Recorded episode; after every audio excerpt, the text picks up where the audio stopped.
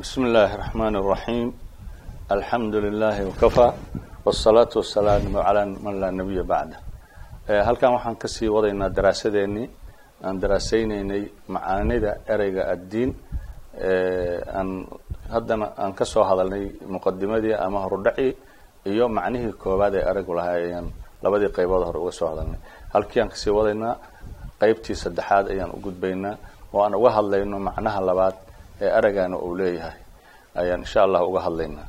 Macnahaas waxaa weye adaaca carabiga saas waaye daanada oo daaca macnaheedu yahay iyo dulli iyo addoonnimo iyo shaqo iyo u sakhirnaan. Qof loo sakhirnaado amarkiisa la fartoomo ama qof amarkiisa oo la fartoomo. Waxaasoo dhan waxay ku soo arooreen kelimata daana rogrogmashadeeda ama gadgadoonkeeda ayay ka soo ururayaan qofka oo laga aqbalo in uu ku dulaysto oo adigana aada maaragtay aqbasho inaad u dullowdo. Sidoo kale aada maaragtay isu dhul dhigto qof maaragtay ka sarrayn oo kaa sarreeyo ama awood badnaan oo kaa awood badan saraysood aqbasho. Waxyaabahaas dhan bay maaragtay aada iyo aad u tilmaamaysaa kelimadu. Marka dintuhum fadanu ayaa ka mid a waxyaabaha carabtu ay adeegsan jireen oo laga wado waan qasbay. Marka waa macnihii koowaada soo laabtay. Waan qasbay markaasay i adeeceen fadanu macnaheedu waxa weeye waan qasbay way marka hore. Dintuhum waan qasbay. Fadanuna waxa way faadaacuni waa i adeeceen maarata faadaacu. Wadintu rajula khadamtuhu weye ninka waan maaragtay dintu rajula waan u adoon noqday camal. Ama dintu rajuladi oo kelimadii oo la adeegsanayo oo loo adeegsanayo nin loo khidmeeyo loo shaqeeyey maaragtay. Xadiidka nabiga calayhi salaatu wasalaam waxaa ku yimid uriidu min qurayshin kalimatan tadiinu biha alcarabu ya quraysh wax kale kama raba waxaan ka rabaa kelimo oo carabi ugu hogaansamayso ay ku adeecayso oo ay ku raacayso ayaan ka rabaa oo macnaheedu yahay ay ku adeecayso ugu khuduucayso macnahan iyo macaani kaloo fara badan oo la mid ah ayaa kelimada ku soo aroortay oo ereygii daana oo hadba si loo dhigay ah macnaha naftirkiisa ayaa xadiidka khawaarijta nabiga calayhi salaatu wasalaam ku sheegay oo ah yamruquuna min addiini muruuqa sahmi min aramiyati macnaha diinkaas waxaa laga wadaa daacadii. Daacadii muftaradka ahayd oo qofka muslimka ah oo mas'uulka ah sida markaas caliyaa joogay radia allahu canhu daacadiisii waajibka ahayd ka bixidii ay ka baxeen. Ayaa macnaha waxaweye laga wadaa. Marka arrimahaas oo dhan maaragtay waxa weeye addiinu adaaca weye macnaha asalka ah oo ereyga addiin leeyahay waaba daacada ugu asalsanba maaragtay. Daacaduna waxay ka dhalanaysaa ictiraafkaas ama ogolaashahaas ama aqbalidaas la aqbalo. Cid maaragtay adiga kaa sarreysa kaa awood badan ku xukunta amar ku siisa waxa kaa imaanaya marka waxay yihiin qofka intaad u qirto inaad maaragtay adeecdo macnaha asalkaah oo ay ku dul wareegaysaana saas wey wadintu lahu ay aطactuhu waan u hogaansamay waa adeecay wey maaragtay raaqib ninka la yihahdo wuxuu yihi isagoo ka sheekeynaya yaa qowlkan ilaahay subxaanahu caza wajal waman axsanu qawla miman aslama wajhahu lilahi wahuwa muxsin. Aayaddaas markuu fasiraya raaqib wuxuu yihi yaa ay daaca muxsinkaas daaca laga wadaa. Qofku inuu allah subxaanahu caza wajal wejigiisa u hogaamiyo isagoo maaragtay adeecsan oo taabacsan oo raalli ku ah maaragtay yaa ka marka qofkaas ka wanaag badan xagga oraahda ayuu yihi laa ikraha fi ddiin aayaddaas marka la leeyahay yacni adaaca laa ikraha fi ddiin marka la leeyahay daaca qofka lagu qasbi maayo. Sidaan ictiqaadka loogu qasbaynba daacada lagu qasbi maayo. Lakiin nidaamka iyo xukunka iyo maanta maaragtay siyaadada inay aqbalaan dadku waa ku qasban yihiin. Ya ina dalika laa yakunu fi lxaqiiqati ila bilikhlaas macnaa daacada iyo ictiqaadka iyo waxa qofka maaragtay u goonidaho wax kale oo ay ku imaan karaan ma jiraan allana ku aqbalayo oo aan ahayn in alla loo gooni yeelo maaragtay. Qasabna arrintaas kuma tibaado marka addiinu macnaha waxaa ka mid ah addullu. Ya macnaa qof oo runtii dullaysan oo soomaalidu waa taqaanaa ereyga dulli. Ya inkastoo macaani badan ay u yaqaaniin laakiin macnaha dulligu waxa weeye qof oo maaragtay muqaabil qof kale ama awood kale macnaha isu dhuldhigay oo u dullaysan oo u jajabanoo u tabar daranoo isaga dhanu isu behinbehinaya maarata macaanidaas. Dulligaas macnihiis wuxuu noqonaa alinqiyaad hoggaansan marka qofka waa u dullo macnaheeda waa uhogaansamay waa u hogaansamay waa isu dhiibay si aan maarata kahor imaansha haba yaraatee lahayn.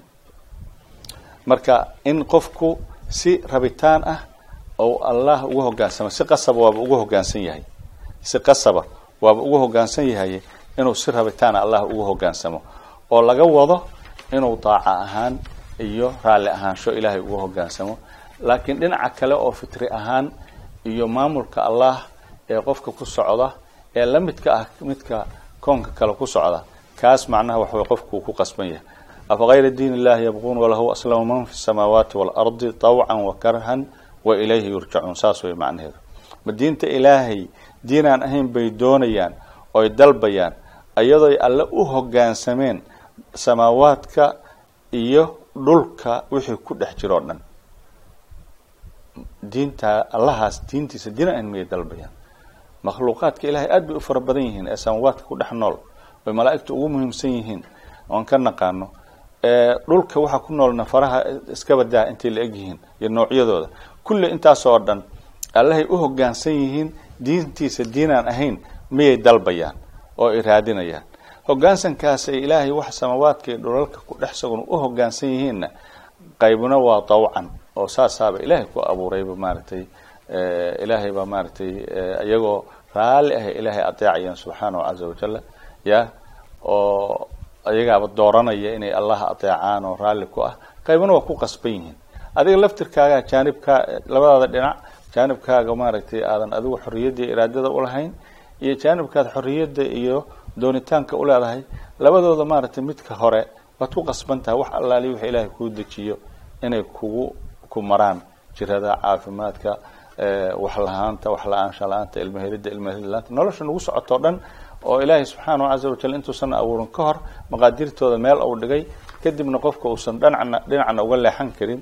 Kullu dalika waxa weeye dawcan oo karhantay soo galeen marka dhinaca kaleon khiyaarka u leenahay inaan marka dawcan ilaahay uga hogaansano bini aadamku inay alla uga hogaansamaan daaca ahaan iyo ikhtiyaar ahaan iyo doonid ahaan ayaa laga maarmaana maaragta haddaba ilaahay subxaanahu caza wajalla aayaadkan oo dhan iyo axaadiista iyo ereyga maaragtay macnihiisa carabiga ah intaba macnaha ka soo ururaya oo ka soo dharaanirsamaya wuxuu noqonayaa awood sare iyo wixii awooddaas ka haray oo alla awooddaas u hogaansama oo aqbala inay adeecaan oo u addoon noqdaan. Sidaas alla xaq u leh. Cid kaloo xaq uleh ciddii kaloo samaysaa waa cid dulmi iyo maanta maaragtay xadgudub iyo waxaysan xaq ulahayn oy marooqsadeen oy muquunsadeen.